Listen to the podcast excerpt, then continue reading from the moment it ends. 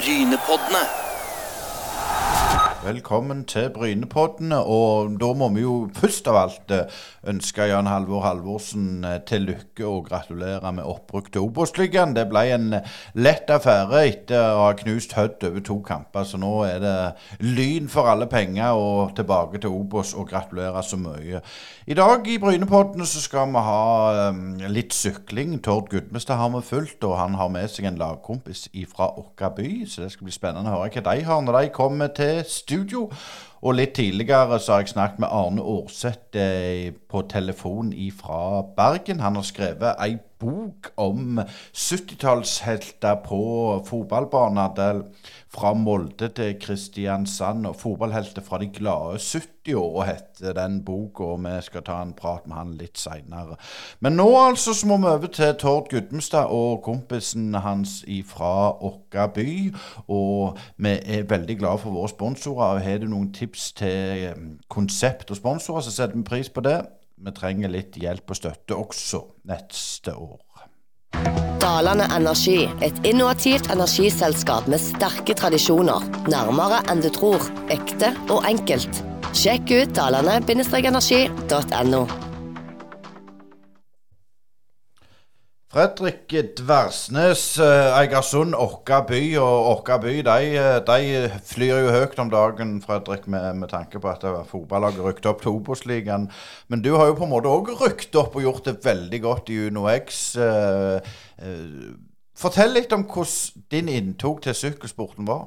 Ja, jo, takk for det. Uh, nei, jeg, hadde, jeg har en far først og fremst som er sykkelmekaniker, og som er utdanna sykkelmekaniker. Har jobba mye på DBS opp gjennom årene. Og hadde vel jobba på lokale sportsforretningen i Egersund, G-sport. Og det var vel egentlig der interessen i hovedsak kom ganske tidlig da, for sykkel. Og så hadde vi jo ikke minst Nordsjørittet som starta i Egersund. Og det ble jo fort en, en drøm, da, at det var alltid Nordsjørittet en skulle sykle. Og, eh, og eh, til til slutt så ble det til at jeg sykla mye på fritida. Sykla mye til kompiser. Det å gå gikk for seint. Jeg fikk en skade i foten i, på barneskolen som gjorde at jeg ikke kunne springe og spille fotball så mye som jeg ville. Og dermed så ble det mer naturlig å, å sykle mer for meg, da, i og med at jeg var så, var så glad i det. Og så jeg har jo lært opp hjemmefra at uh, man må gjøre utdanningen og skole og utdanning først. Så det ble å gå tømrer og bli ferdig utdanna tømrer. Samtidig som jeg sykla ganske mye på, på si. Og så balla det bare på seg uh, derifra. Og så endte det opp med at jeg fikk en kontrakt uh, via Team Coop i, i, 2020, eller til 2020. Og kunne sykle for dem uh, mer eller mindre profesjonelt. Og da slutta jeg da jobben 1.1. og og uh, derifra så har det bare gått rak, rake retningen. Og etter to år i Team Coop så fikk jeg muligheten hos, hos UNX da til slutt. Og det er der jeg er nå og skal sykle her ut, uh, ut 2026. Så det blir spennende, spennende tur, det. Men litt innom det du har vært. Var du tømrer i fulltid og, og sykla i Team Coop utenom eller, eller, eller, trente mye utenom? Og det er jo en fysisk jobb å være, mm. være snekker. Hvordan klarte du den balansegangen? Nei, det Vil man, så kan man. Altså, det, det er litt sånn. Altså, jeg jobba jo Siste halvår jeg jobba, så bygde jeg hytte i Sirdal. og Da jobba vi 12, 12 og 13 timers dag mandag til onsdag. Og så hadde vi langhelg hver helg. Uh, men allikevel så hadde jeg med meg sykkel og ruller. Og satt på Sirdal høyfjellshotell uh, 9-10 på, på, kvelden og, og trødde et par intervalløkter noen ganger. Så, så, fikk jeg jo langhelg, så jeg fikk jo mulighet til å trene, trene nok da. da. Uh, og jeg fikk faktisk utvikling på det, det gjorde jeg. Og i og med at en fikk smelt inn resultater, så, så bød etter hvert muligheten seg i, i Team Coop. Eh, nå er jo du 26 år, hvis jeg ikke husker og har tatt helt feil på, på, mine notater her. Men, men, men, det er liksom i år du har på en måte gjort det? Ja, det, i år har jeg fått det ut iallfall. Så jeg, jeg, ba om et litt kall enklere løpsprogram i fjor høst, når jeg var på kickoff i København. Spurte jeg ledelsen om det var mulig å få et litt enklere rittprogram for å kjøre, for å kjøre litt mindre løp og kunne kjøre egne sjanser og resultater. Og det fikk jeg lov til, da. Å utvikle egne ferdigheter. Og fikk vist meg litt mer fram. Og det, det viste seg å betale seg, det, sånn sett. Og få noen seire der nede i Frankrike på litt mindre lavere nivå, det var klart noe, noe som var utrolig, utrolig kjekt. Nå er jo Tord i studio òg, og vi skal liksom, Jeg sa jo det at jeg, tror, jeg spurte om du var spurter, men jeg, når jeg ser på kroppen din, så, så er det jo ikke det. Nei, altså kroppsmessig så kunne jeg nok sett ut som en spurter. Det er I hvert fall nå når vi er i midten av november, men, men Nei, jeg er ikke noen spurter sånn sett. Tord, Tord slår meg jo ti av ti ganger på alt av skiltspurter, innlagte spurter og, og, sånne ting som det. For han har, en, han har mye hvassere akselerasjon. Ikke minst så har han et game i feltet. Altså det er mye, mye råere i et uh, sykkelfelt, uh, aggresjons- og, ag og, mye mer aggressiv enn det, enn det jeg er, og klarer å håndtere det på en helt annen måte. og dermed så, så er han bedre enn meg på alle de områdene der det kreves, som kreves. Men, men du har jo vunnet en del uh, ritt i år. Fortell litt om hvorfor gjør du det når du ikke spurter? Nei, Det går på at jeg er god i de løpene der det blir skilt ut ganske tidlig, altså som er ganske harde på, på slutten. da. Uh, der folk rett og slett ikke klarer å henge med. Så jeg har min forse da når det kommer litt harde småkneiker på slutten. Uh, og det er det som har vært tilfellet egentlig alle løpene jeg har gjort i òg. At uh, det er blitt mindre grupper som har har skilt seg ut. Og med 15 km igjen så er det kanskje bare vært fem til ti personer igjen å slåss om det. Og i den situasjonen der så så har jeg da klart å, å gå seirende ut av det. Gjentatte anledninger. Og da skal du ha sånn at Det første løpet jeg kjørte i år, så var jo Tord en viktig brikke faktisk i, uh, i den jobben som ble, som ble, gjort i forkant for at uh, jeg skulle få ta det til slutt. Ja, Tord, du, du, du, du mørna de. Ja, jeg kan jo gå litt gjennom hvordan det gikk. da. Det begynte vel med at uh, jeg fikk litt ansvaret for hvordan vi skulle sette Fredrik i gang og, og få mest ut av, ut av han på det løpet. og ja, jeg vet jo at han er en stor, stor motor, så han trenger egentlig bare at det er hardt hele dagen. Så da skiller du litt de, de hardeste guttene fra, fra, resten. Og ja, da sitter han igjen til slutt, så det var litt, litt sidevind og sånn, hvor uh, vi fikk sprekt det opp. Og, og, du setter mange mann til å måtte gå til pumpen og slite seg ut. Og ja, fikk sett han i, i ei favorittgruppe sånn halvtidlig, gjerne 30-40 km igjen. Og derifra så, så, vet jo han hva han skal gjøre, så da ja, gjerne litt ukjent blad i, i den gruppa, så, så klinker han til på, på, toppen av bakken siste gang og får, får ei luke. Og da, da, kjører han hele veien inn, og så får han sin første proffseier. Eh, men vi snakket med deg sist i sommer, Tord. og Hvis du forteller litt om eh, hvordan, hvordan har det gått for din del? Nei, jeg føler jo det, det har vært litt eh, læringskurve i år som, som, i fjor. Og ja, ting går rette veien. Jeg har tatt noen steg fysisk og, og blitt mer solide og robuste og, og, sterkere i først og fremst eh, de litt kortere kneigene og sånn. Så ja, jeg har fått kjent litt mer på, på å være med helt framme med, med, de beste i finalene og sånn. Og ja, fått prøvd meg litt sjøl og, og hjulpet litt til òg. Så det har sånn sett vært, en spennende høst for min del òg. Så håper kanskje at uh, første proffseier kan komme til neste år. Eh, nå, dere, nå, er det en stund siden vi har hatt eh, sykkel i Brynepoddene, men, men, du sykler nå på den pro, Tord, stemmer ikke det? Som er på en måte den øverste divisjonen? Ja, eller det er vel egentlig andredivisjon sånn sett, Uno X, men vi er jo topp eh, 22 på, på rankinga. Så det vil si at vi, vi får kjørt stort sett ja, de største løpene utenom uh, de trevegersrittene i Italia og, og, i Spania, så er vi egentlig med på alt. Så ja, iallfall mest. Og vi ble vel tredje beste lag av de på nivå to i år, så det betyr at vi får sykle alle endagsløpet på høyeste nivå neste år òg. Så ja, vi er jo med på en måte helt oppi der, men uh, vi håper å få rykket opp uh, til øverste divisjon da, uh, om om to år, når det er nye ny sånn Kall det utskiftning i toppen der, da. Ja, for da, i år så fikk dere jo eh, laget deres være med i Tour de France. og Når dere har snakket med lagkompisene og sånn, Fredrik, hva, er det det, hva er det som er så svært med det? Nei, det er jo hele apparatet. Hele, hele opplegget. Altså Det karakteriseres jo som et av verdens største idrettsarrangement. Og det er jo et vanvittig folkeliv. Vanvittig mye folk i eh, organisasjonen. Og ja, blir TV-sendt over hele verden. Og altså Spør du eh, folk flest da, og hva de tenker på når de tenker sykkel, så er det jo Tour de France. Så det, det, det inntrykket vi fikk, var jo at det var så stort som og helst større enn det, det man skulle trodd sjøl. Folk som var galne overalt, og du kunne ikke, kunne ikke høre deg sjøl eller snakke med han på sida fordi at uh, publikum var så øredøvende da. Så nei, det var helt vanvittig trøkk, uh, trøkk visstnok. Og ikke minst en utrolig, en utrolig fin opplevelse for, for samtlige. Kanskje ikke, kanskje ikke like fin opplevelse for Torstein, men, men resten hadde i hvert fall en, en kjempetor. Det er det ingen tvil om. Men hva tror du det gjør med, med laget? Merker dere at det er liksom skitt en boost etter dere fikk være med der?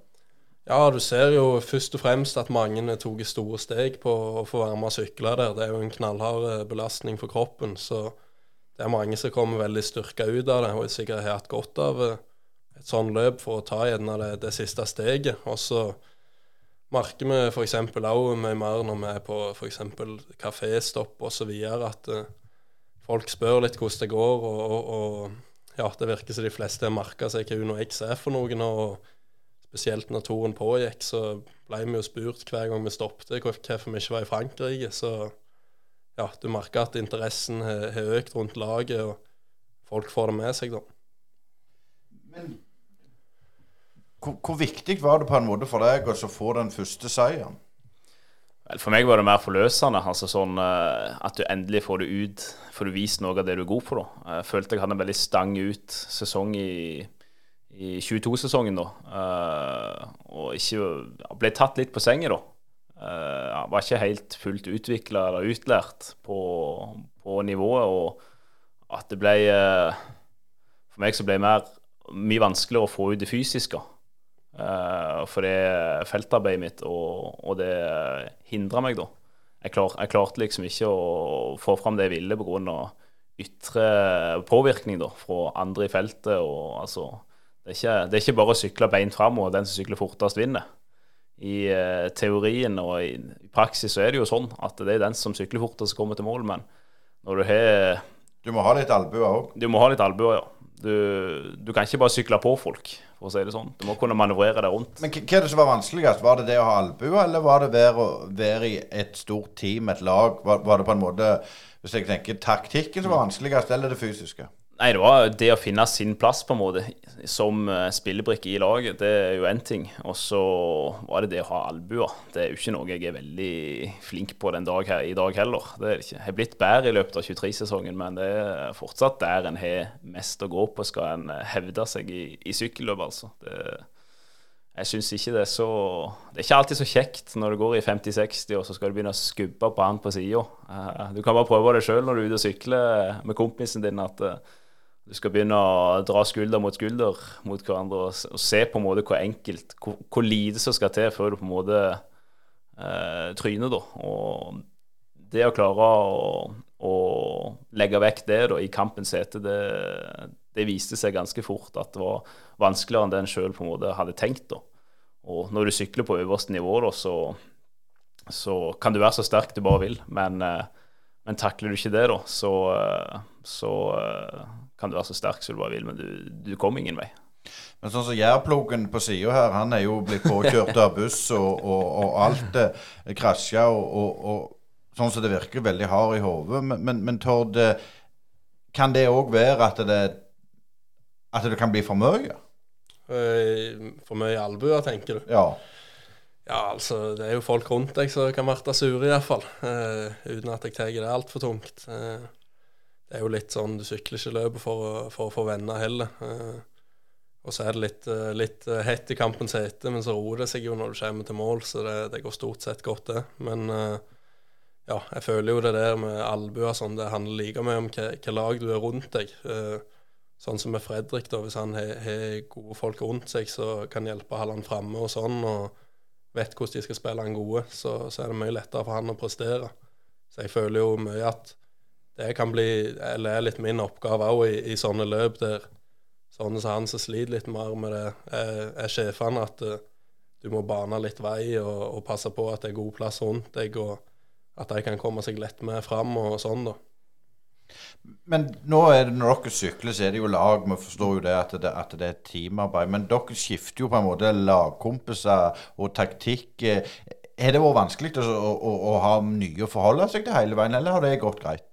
Det er jo litt utfordrende, men du lærer deg fort å kjenne de, de du sykler med, og hva de trenger for, for å få det til. og, og ja, hva de vil, og hva de liker, og hva som må til. Så det, det går egentlig godt, det, altså.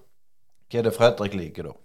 Han liker jo litt at du, at du holder han litt i hånda og passer på at du, at du får han med deg og, og viser litt vei. og, og brøyter litt framfor deg og, og kjører jevne linjer i, i, svingene. og ja, Ikke finner på noe sprell, men at du, at du holder det stødig og godt. og At han føler det er trygt og godt å sitte bak, så, så kan han være med.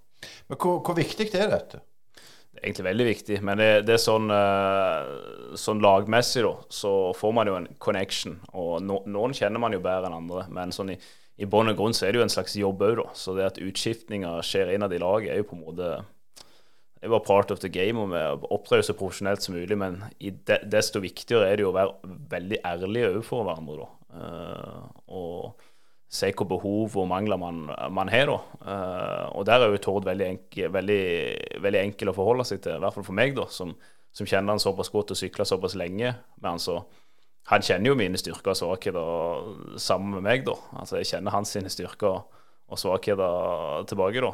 Uh, men nå er det ikke sånn at vi kjører løp alltid sammen uh, med to, men det handler på en måte om å få et personlig bra forhold, eller kjenne, kjenne de andre på laget. og på en måte, ja, så, så, lenge alle er åpne og ærlige om sine styrker og svakheter, så pleier det som regel å bli, en, uh, bli godt til slutt. altså. Og det, Der har vi blitt bedre i løpet av uh, 23-sesongen, føler i hvert fall jeg. Ja, for hvis jeg sier det, Fredrik, så, så er du en snill gutt. Uh, og du er litt avhengig av trygge og gode rammer. Mm. Er det også, kan det òg være negativt, eller, eller at du må liksom Alt må klaffe skal du prestere? Altså Det kan jo selvfølgelig være noe som, eh, som kan, være, kan, være, negativt for all del. Uh, og, men for, for, egen del så handler det jo litt om å legge ifra seg en del frykter når du står på startstreken. Eller tenke på det du skal gjøre, kontra det som kan skje. Altså Det er jo klart at uh, Klart Når vinteren kommer, du kan jo daue av å skli ned trappa. Men hva er sjansen for at det skjer? Hva er sjansen for at han får han det i trynet? Sant? sjansen er jo veldig lav sånn sett. Men allikevel, på andre siden så kan du se at uh, hvert sykkelritt du ser på TV, så er det alltid noe som tryner. Men nå snakket jeg med, med en, en, en, dommer som dømte inter, internasjonalt, og der var det sånn Når du kom til internasjonalt proff toppnivå, så var det knallhardt. Altså, miljøet var Det var alle fiender. Altså hvordan er det du kommer fra, fra jeg tror til å si enkeltkår fra Egersund og inn i det rottereiset der? Det, det gjør jo noe med deg? Ja, men det, sånn, det, som Tord sier sjøl, altså det, ja, du er i løpet, så er det jo, er veldig få ord som blir utveksla i løpet av uh, et sykkelløp. Det er jo det er stort sett 'fuck you' uh, det går i. Uh, men til syvende og sist, når alle kommer i mål, så er det jo handshake, og altså, da, er, er alle kompiser igjen. Og så alle, alle skjønner jo at det er racing, da. At det er veldig lite regler sånn sett underveis i, i racing, da. Og alt blir jo brukt for å, for å vinne. Da. Det er jo konkurransemennesker. Så det er jo klart det skjer jo noe når, eh, når eh, det, skuddet går i pistolen. Men er han så Mr. Nice Guy som han sier? Ja, han er jo, han vet jo det å være kynisk og sånn. Det ser du jo de løpene han vinner, at uh, han vet jo hvordan han skal gjøre. Så det er litt å sette han opp til det, så, så fikser han biffen. Uh, så er det jo òg litt sånn uh, det er så spesielt med norsk-laget, at vi har jo et spesielt samhold der. og Når jeg sykler med Fredrik, så er det gildt å hjelpe han, og det er gildt for meg å se han vinne og gjøre det godt og få det til. Mens hvis du sykler med, med en gjeng med franskmenn, så er du gjerne litt mer like holden, da. Så det er jo noe spesielt uh, de har fått til der òg, med å samle et lag med folk med samme språk og sånn, da. Men sånn eh, videre for din del, Tord. Eh, neste steg, vi snakker om det hele veien. Hvordan, blir det? Nå er det jo friperiode, det, er snart jul når denne poden blir sluppet. Når eh, er det du må ta det neste steget, føler du?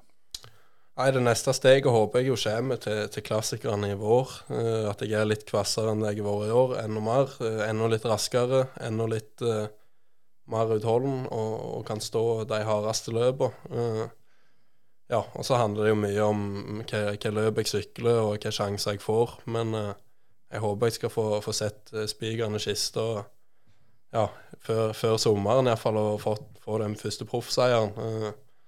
Jeg føler det, det er mye nimme, men, men, det har mye å si hvem du sykler med i de finalene, og hvordan du løser det. og Ting, ting må virkelig klaffe. Så vet jeg at farten er på plass og alt det der, så det er noe med å, bare være tålmodig og finne en balanse på hvor mye du vil det, og, og hvor kald du er og sånn, for å ja, ikke drite deg ut med å bruke for mye krefter, men du skal heller ikke sitte igjen med altfor mye når du kommer i mål. men det er jo viktig du, er, du har krefter til å gå til de siste 200 meterne. Ja, for Vi har jo snakket med, med deg før, og, og, dette med tålmodighet. Nå er du 22, Fredrik her er litt eldre.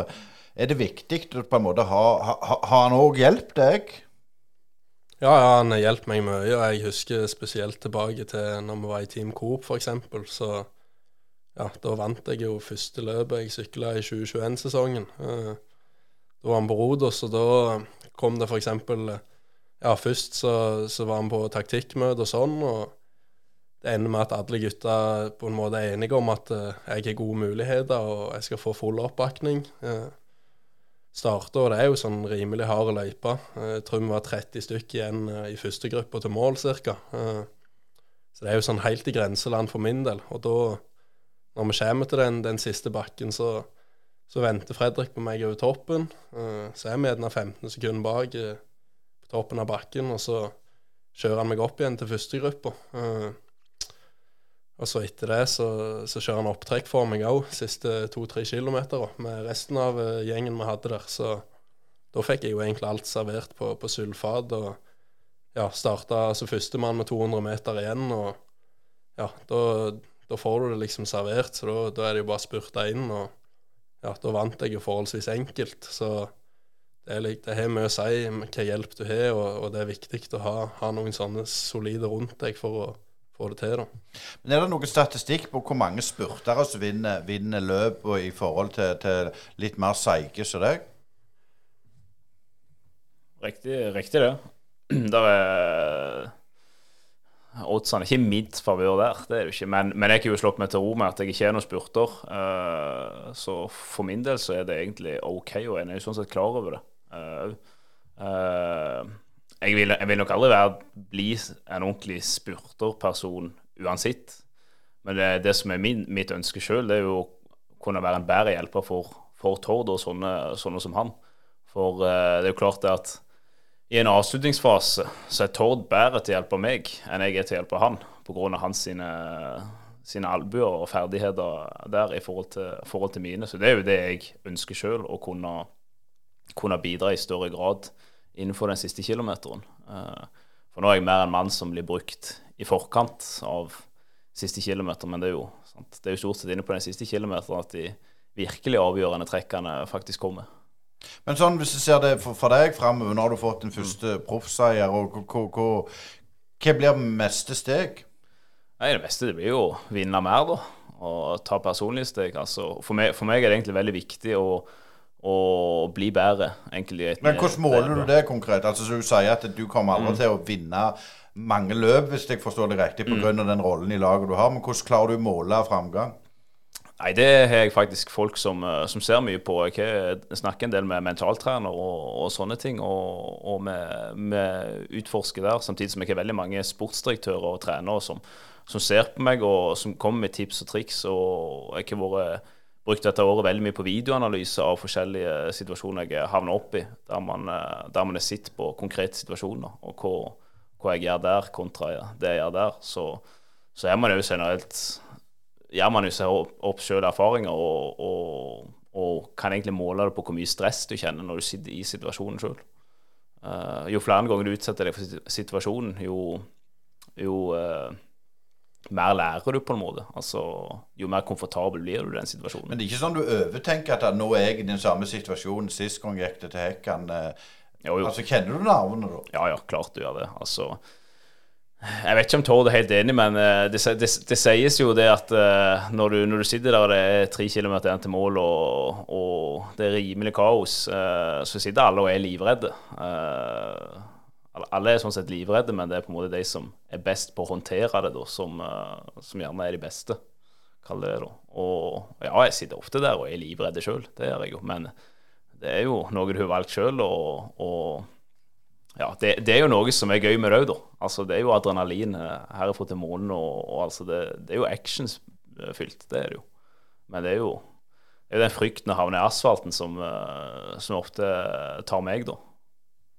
Eh, Tord, hvordan er det du på en måte måler framgang? Han sier han er mentaltrener, videoanalyse. Sånn, jobber dere likt, eller er det individuelle opp, opplegg og oppfylling?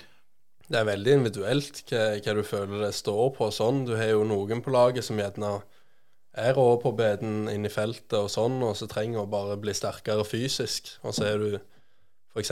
Fredrik, som er, han er solide fysisk og må gjerne framgang mer i form av hva han får til i, situasjonene han havner i på løpet og sånn. så men for min del så, så handler det om å bli bedre fysisk, men òg å å løse situasjonene bedre og bedre, og, og lære av de jeg er inne i, og ja, ta, ta steg på, på, begge de to tingene. Eh, fortell litt om treningshverdagen, for dere er jo begge her, og du har vært inne på det tidligere, Tord, at dere har et veldig godt og, tett samarbeid med syklistene og andre lag i Stavanger. Har det blitt vanskeligere nå når dere er blitt, på en måte, misforstå meg riktig, enda bedre og et enda større team?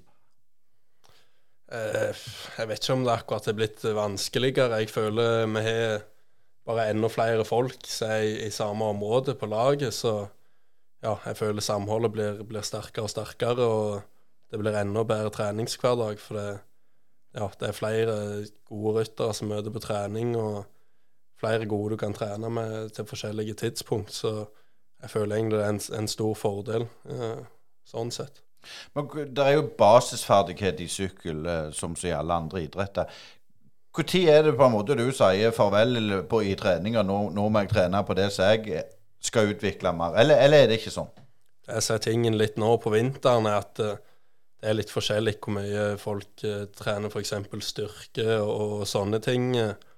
Men når vi møter for å gå ut og sykle, så er det litt sånn Hvis en f.eks. Uh, har langtur, mens en annen har langtur med intervaller, så kjører vi bare til en bakke, og så kjører f.eks. jeg ferdig intervallene, og så sykler vi videre etterpå. Og så sykler han andre bare en egen plass imens. Så Da går det, du, Fredrik, på, på kafé, da? Det hendte det òg. Du skal ikke lure på det. Nei, men altså, vi har jo et eksempel på det bare sånn som i dag, f.eks. Uh, så møter, vi har jo fast møtepunkt i Stavanger, Spinn, klokka ti. Og der møter jo alt fra 2 til 15 stykk eh, stort sett hver dag. Eh, og da er det jo alltid noen som har tre timer, noen har gjerne fire timer, noen har seks timer. Noen skal ha to minutters noen skal ha ti minutters noen skal sant? Alt mulig. Og som regel så blir det samla gjeng ut derifra, og så spres det gjerne litt uh, når det begynner å nærme de forskjellige bakkene, da. Uh, og så er det gjerne det at man, sam man samles igjen når, uh, når, vedkommende da er ferdig med å kjøre sine, sine drag, da, så sykler man videre. For det er jo, det er jo en sosial sport sånn sett. Det er jo, det er jo mye drøsing og mye skittsnakk. Det er jo det. Men det er jo klart at de individuelle det, man jobber med individuelt, på en måte, det, det får en lov til å holde på med i ro og mak sånn sett, eller med konkurranse hvis, hvis en hvis en vil det. Og så møtes man igjen etterpå og, og kjører sammen igjen. For seks timer er jo lenge å sykle, og du kjører ikke drag i seks timer. Skal du kjøre ei god intervalløkt, så tar det gjerne en, en time, en av seks timer. Mm. Uh, og da, da er det fokus på ditt og, og gjør ditt, så, så møtes man igjen etterpå, og så tar man seg en tur på kafé. Men sånn, litt dumt spørsmål. Nå er det jo Kristoff, en, en lagkamerat som jeg skulle jeg si på vei ned er jo, Ja, han er jo gammel, så, så, han er jo sånn sett det. Men, men, men, klart, altså, Tord kan lære av han, for han òg er en, en spurter. Men kan du lære noe? Det er helt klart. Det var vanvittig mye å lære av, av den mannen der. altså når, syklet, når vi sykla med han et par år, og, og det er stadig ting du lærer av han, men du, allikevel så ser du jo hvor gjennomarbeida solid han er, for å si det sånn. Altså, det er bare så enkelt som når vi trener styrke nå i vinterhalvåret. Altså, er det et apparat vi tar der vi er sterkere enn han i det, så kan du banne på at han skal Han skal ikke være noe dårligere, for å si det sånn. Da skal han òg begynne å ta det apparatet bare for å bli sterkere enn deg, bare for å vise deg. Sant? Så han har en, han er en sånn der vinnerskalle som er helt, eh, helt enorm. Men har, har, er det noe dere ser i treningshverdagen, at dere forstår hva som må til? Eh, helt klart. Du ser eh, Han gjør alltid mye, og han trener alltid hardt. Og han gjør alltid det han skal. Eh, kjører seks timer, kjører mye intervaller og alt det der. Og så kan du jo alltids diskutere om han kanskje gjør for mye, eller om det er det rette, og sånne ting. Men det er klart det at det er en grunn til han er der han er, og han alltid er i form og alltid er oppe der. Og det er jo så enkelt så at han, han trener knallhardt og gjør jobben hver dag. Og så tror jeg ikke Plent han er den som er mest nøye på, på ting rundt, men akkurat det treningsarbeidet, det får han gjort som han skal, og, og vel så det. og er nok eh, helt klart en av de aller råeste der, da. Ikke, ikke minst så, så, er han jo en av de som altså, så, så er han jo veldig tru på det han gjør. Og det, og det, er klart at skal du bli god og best, så, så må du ha tru på det du gjør. Og det, det har han jo innerst inne sjøl òg. Altså, han, eh, han gjør jo det samme hele tida og, og uh, har skikkelig tru på det. Og, og det har jo ført han langt i tillegg, så jo, men det er jo litt det mentale. altså Hvis, mm. hvis, du mm. tror det er riktig, så blir det jo riktig. Ja, ja, helt klart. helt klart. Og det, det er jo han et stjerneeksempel på. Det er viktig òg å smøre med rett olje. Ja, du må smøre knærne med Voltarol når de begynner å knirke. Det er klart, det. Ja, men nå la, nå la jeg opp at Uno X, vet du, det er jo, eh, det er jo olje og bensin og sånn. Så nå la jeg opp et lite sånn der, Den tok du ikke, Tom. Ja, har, har du ikke fått med deg at vi har begynt med elbilladere og eh, økologiske vaskehaller? Jo, stemmer det. Der tok du meg. 1-0 til deg.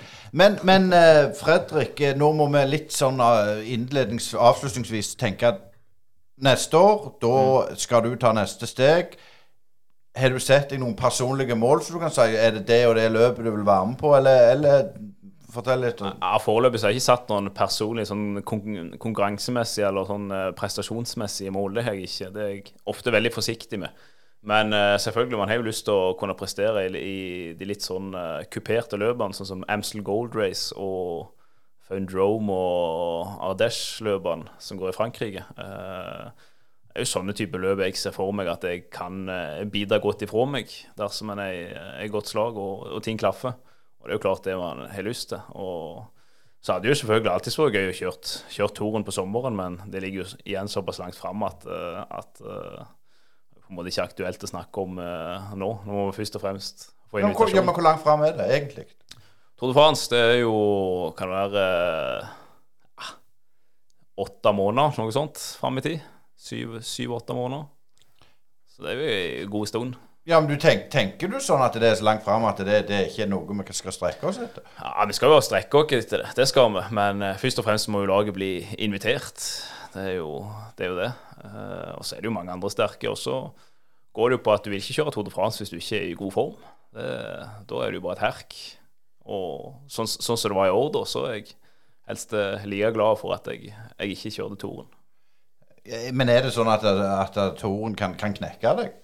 Ja, det vil jeg påstå at det, det er det ingen tvil om. Eh, det er helt klart viktig at du er god nok når, når du går inn der. Eh, og det er litt sånn ja, alle ting til, til si tid. Du må på en måte ta deg steg og steg for steg. og og være god nok, og så er det jo komplisert. sant? Plutselig får du en, en velt på våren så setter deg ut av spill, og så, så, er du ikke med i kampen der i det hele. Eller så får du til alt det du håpte du skulle få til, og så går ting rette veien, og så plutselig er du med. Så, eller plutselig ryker f.eks. en spurter ut, og så må de finne en ny, eller hva som helst. Så, så, du må på en måte bare være klar til, til det som kommer, og se på det som jobben din. og, og gjøre det du skal, og være så god som mulig. Og så enten så kommer det, eller så kommer det ikke. Mm. For handler jo litt om å ikke tenke Kan ikke tenke for mye på det heller. sant? Det, skal jo bare, som Tord sier, du skal bare gjøre jobben. Gjøre jobben, så, så kommer det som et, en konsekvens eller som et resultat av det du, det du har gjort i, i forkant. Da. Eh, men apropos hvor hardt Tour de France er, altså som mosjonist eller uh, hobbysyklist eller uh, ja, hvis du driver på med en idrett, du kan prøve å springe et halvmaraton hver dag i 21 dager. Du skal være fullstendig utmattet etter, etter hvert, hvert du er, eventuelt sykle. 170-180 km hver dag i, i 21 dager der du egentlig kjører en konkurranse. Så Men allikevel så er det drømmen? ja ja, herlighet. Det her er jo jobben vår, sant. For oss så Altså, det fysiske er jo én ting. Eh, opplevelsen er jo en annen, sant. Men eh, de fleste ja, de fleste, altså alle på UnoX hadde nok klart en Tour de France. Det tror jeg nok. Men om alle hadde kommet like bra ut av det, det er jo noe annet. Men altså, jeg anser jo ikke som det største problemet. Skulle jeg fullført en Tour de France, tror jeg nok hadde, hadde gått. Men uh, du skal jo ha det skal jo ha det noenlunde kjekt på veien, og så skal du jo du skal jo noe annet enn bare fullføre. sant? Du har jo arbeidsoppgaver i en tour. sant? Så det er ikke bare å komme fra A til B. Du skal jo gjøre en innsats og gjøre en jobb på veien, som er, som er det som på en måte teller. Du blir målt i. Fredrik sier her at han må, må gjøre jobben, men har du tatt noen sånn konkrete mål du har lyst til å oppnå neste år? Ja, som jeg eh, sa, og som eh, jeg har tenkt på en god stund, så er det jo den første proffseieren. Den, eh, den, må komme neste år, det, det, er det ingen tvil om. Så er det bare å bygge videre på å bli sterkere og raskere. Men stresser det deg litt òg, den der at den må du ha? Nei, veldig lite. Jeg føler det, det kommer når, når, formen er god og sånn, og jeg får sjansen, så, så, vet jeg hvordan jeg skal gjøre og vet hvordan jeg skal ta den. Så da er det bare å gjøre det, egentlig. Så ja, hvis det ikke går, så, så er det noe drit. Men uh, forhåpentligvis så går det, og det har jeg tror på sjøl òg. Jeg vet hva jeg kan, så ja, jeg føler ikke det. Det er ikke så langt unna. Så jeg satser på det skal komme det er jo ingen tvil om at uh, det skal jo klaffe. Det, det, nytter jo ikke å ligge under en buss i slutten av mai uh, og tro at du skal vinne, vinne profflønn når du ligger der og spreller under en buss, altså. Men uh, slipper han unna sånne ting, så, så, kan ting fort gå veien, altså. Jeg fikk vel, fikk vel en fjerdeplass uh, Hva var det? Fire dager etter Edna. Ja, stemmer det. Så det var ikke så langt ifra. da skal vi over til rett og slett litt bok, og nå har vi ikke Asker med oss i dag, men uh, bøker er vi, er vi, glad i, og særlig gamle helter. Og en som har skrevet bøker om 70-tallshelter på fotballbane, er Arne Aarseth. Og, og, Arne, fortell litt om denne boka du har skrevet. Det er, det er en flott bok med mange helter, òg fra Jæren. Ja, ja det ble, ble, 58 gamle helter fra 70-tallet. Og, og, hver av de har jo fått fire sider. Sånn at uh, det er nok å lese av der. Det, det begynte jo selvfølgelig med noen brann og så uh, balte det på seg. Og så ble det da fra Molde i, i nord, kan du si, og, og kysten nedover, og, og, og Jæren og Bryne, og ned til Start i Kristiansand. Så det er liksom det området der jeg har konsentrert meg om. Eh, skal nevne, vi skal jo ikke nevne alle som du har snakket om, men det er Trond Sirevåg, eh, Åge Risanger, eh, Erik Johannessen, Erik Bragstad, Annbjørn Ekeland, Knut Artesvåg, Gabriel Høiland osv. osv. Hva, hva er det som er så mystikk med disse gamle heltene? Hva sa du? Hva er det som liksom er så mystisk og Hvorfor lagde du denne boka? Altså, det er jo litt sånn, jeg, jeg, var jo veldig Jeg var ikke god i fotball, men jeg var veldig fotballinteressert. Og da jeg var ungdom, så kjøpte jeg jo denne her eh, Holdt jo den fotballrevyen, hvis dere husker den. og Den som kom ut første nummer, var vel i 76, og holdt det gående i tre-fire år. Og, og, da var det jo eh, las jeg om disse heltene, sant? og akkurat de som du nevnte. Og og, og, så tenker Jeg liksom sånn, jeg, jeg, er litt opptatt av mennesker, jeg er jo fotograf. og så tenkte jeg liksom, Hvordan ser disse ut i dag? Og, og, og hvordan liv lever de i dag? For Nå har jeg riktignok Åge Hareide med i boken, og jeg er veldig glad for at han vil være med. Men han er kanskje den minst spennende å lese om. Sant? For han har, vi liksom fulgt hele tiden. Men Harry Hestad, Jan Fugleseth, eh, som du sier, disse Erik Johannessen, Gabriel Høiland, hvor er det blitt av de? Hvordan ser de ut i dag? Det, det liksom det, det var det som var kimen til det, på en måte. Hvis vi skal prøve å dra fram noen eh, som var spesielle for deg på denne reisen her, hvem var det? Ja, da kan jeg godt se, og Det står det litt om i, i det forordet, at det er faktisk den gamle Brann-strategen, midtbanespilleren Atle Hellesø. For um, Uten at jeg skal si alt som står i boken, men så kan jo jeg røpe at han, han hadde jo sine utfordringer på banen med, med, altså når han var aktiv eh, med alkohol og mista foreldrene sine tidlig og, og, sleit mye med rus. Og, og, fortsatte jo med disse her eh, Det ble enda verre etter han la opp, kan du si. Og, og, og det var veldig nysgjerrig på han. liksom Så aldri noe i Bergens Tidende eller noe om Atle Hellesøy, hvordan det gått med han. Og nå fylte jo han 75 år i, i sommer. og eh, ja, han er, har bodd de siste 20 årene på en sykehjem i i Bergen. og Jeg fikk audiens og fikk treffe han og fikk et ærlig og oppriktig intervju med han og, og et flott portrettbilde. og ja, Det var egentlig sånn det begynte, at jeg var så nysgjerrig på han. Og når han ville være med på dette, her, så tenkte jeg da fikk jeg liksom vann på mølla. Kanskje jeg kan gjøre mer ut av dette her. Men Var det ikke litt sånn trist å se at det hadde gått så galt òg? Jo, det var det. Men eh, absolutt. Men, men, jeg var jo forberedt, kan du si. Men jeg, jeg må jo innrømme likevel at jeg, jeg, han var den første jeg fotograferte og intervjuet, og det var i, i, midt i, på sommeren i fjor. Og jeg må innrømme at jeg fikk denne meldingen fra ei i Bergen kommune om at hun hadde snakket med Atle Hellestad og han ville treffe meg. Da, da ble jeg nesten sånn starttrykk. Jeg måtte liksom ringe hjem til samboeren min og si at jeg har fått avtale med Atle Hellestad. Det høres gjerne litt sånn jeg vet ikke hva som ser barnslig ut, men det er herlig å oppleve sånn at du i voksen alder kan få disse her eh, Kjenner det virkelig i magen at på søndag klokka tolv skal jeg treffe Atle Helle. Men for meg var det stort. Og, men så er det som du sier, det var jo på en måte ble det jo et trist møte. Sant? Ikke hadde han noe e-mail så jeg kunne sende dette til han, hva jeg hadde skrevet om han. Ikke hadde han Facebook så jeg kunne sende messenger til han. Og han hadde, for å være helt ærlig, han hadde ikke en telefon engang altså, å nå ham på. Så, så, så, det var stusslig akkurat da. Men nå er det viktig å si at uh, han er jo ikke representativ for hvordan de andre disse spillerne lever i dag. da. Nei, for altså denne, Nå snakker vi om 70-tallet, og da var det var, mest sagt ikke telefon, alle man sier. Og, og, det var liksom, du var heldig hvis du fikk se heltene ett ja. minutt på Sportsrevyen. Ja, og, og, ja, det var sånn det var. Mm. Men da syns jeg det er litt artig, sånn som f.eks. Vikingspillerne. De trefte jo inne på, på, Vikinghuset. Og de fortalte jo at da når de hadde den gamle stadion, og da hadde jo de viking, det der vikinghuset med garderobe, det var liksom litt utafor stadion, så da måtte de liksom Gikk de blant supporterne sånn, både frem og tilbake til kampen ifra garderoben. Og, og det er litt sånn, som jeg synes det er litt sånn sjarmerende. Det er gjerne sånn så du ser i breddefotballen i dag, men A-lagsspillerne de kommer liksom ikke gående over veien sammen med supporterne med ikledd eh, drakter og klar til kamp. Så det er liksom å få frem de der Ja, fotballen For meg var han jo litt mer uskyldig på en måte den gangen. Og, Arve Gjelseth, som også har hatt som gjest i Brynepodden, har skrevet forordet. og Fortell litt om hvordan den boka er bygd opp rett sånn, sånn teknisk, for de som er opptatt av det. Ja, ja. Han, Arve han kjente ikke jeg personlig, men det er masse sånn tilfeldigheter. Så han ene broren min han har gått i klasse med Arve Gjelseth. Gjelseth er jo fra Molde. Han har gått på distriktshøyskolen med han i 1984.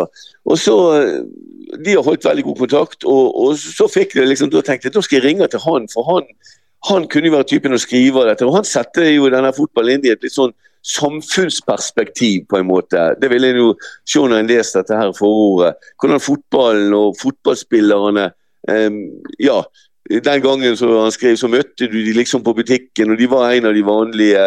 Og, så han, han setter det i et sånt perspektiv. Og så var det jo sånn, Da er det ei side først med et intervju av hver spiller, med en liten faktaboks.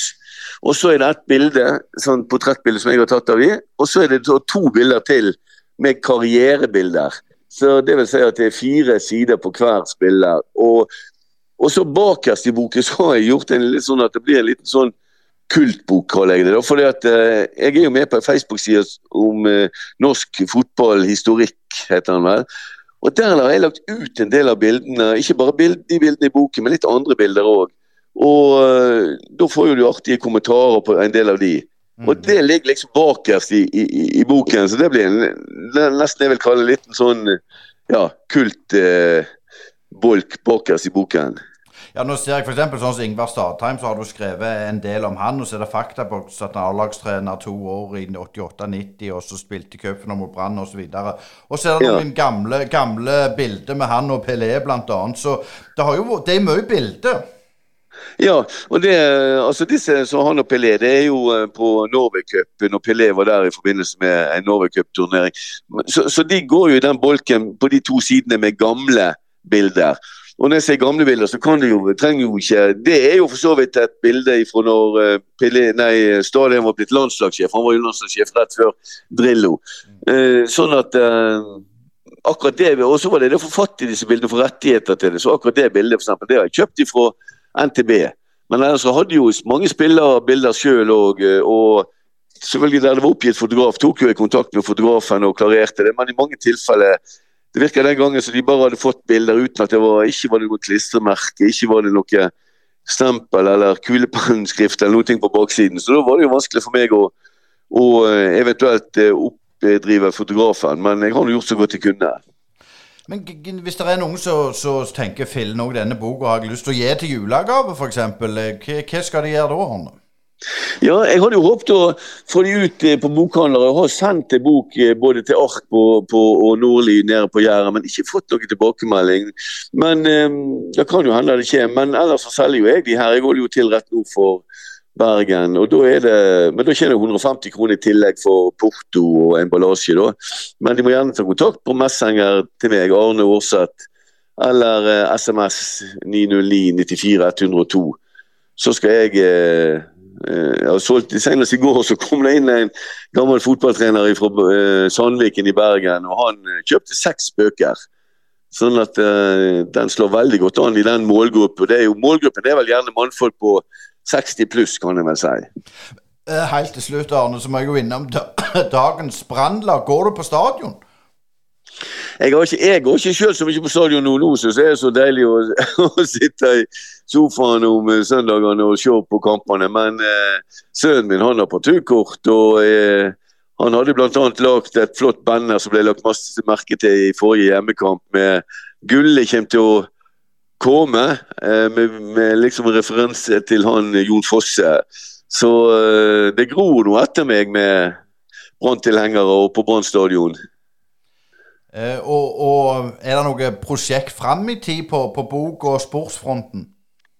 Ja, altså det som jeg kunne tenkt meg, for faktisk hvis jeg, hvis dette, Nå har jeg brukt ja, Jeg har ikke hatt noe eh, beregna det helt, men jeg har brukt 50 000 kroner i reiser og opphold og leiebiler og sånne ting for, for det jeg har gjort. Og, men hvis dette hadde gått, gitt litt overskudd, så kunne jeg eh, tenkt meg å reist og lagt et bind to som da handlet om altså Østlandet og resten av Norge, kan du si, og Midt-Norge og, og sånt. Men eh, jeg er jo tross alt en familiemann, så det må jo, eh, for om ikke penger betyr så mye i seg sjøl, så må det jo kunne være, må, må jo kunne forsvare det økonomisk, at ikke jeg gå med tap. Men eh, det var jo fem Bryne-spillere med her, og eh, kanskje det er noen av lytterne deres som har lyst til å sende meg en melding og bestille en bok til en far eller en onkel eller et eller annet til julegave, kanskje. Dalane Energi, et innovativt energiselskap med sterke tradisjoner. Nærmere enn du tror. Ekte og enkelt. Sjekk ut dalane-energi.no. Det var sykkel og bøker om det glade 70-tallet på fotballfronten. Og vi kan jo òg si det at i går så spilte Kristiansund-Vålerenga kvalifiseringskamp. Eh, og den siste kampen der, for det er best over to runder, spilles altså 10.12. Det er da vi får vite hvem som holder seg i Eller skulle jeg si holder seg eller rykker opp til Eliteserien. Og Viking de fikk den tunge fjerdeplassen, og Haugesund klarte seg. Må vi gratulere Molde med et nytt gull.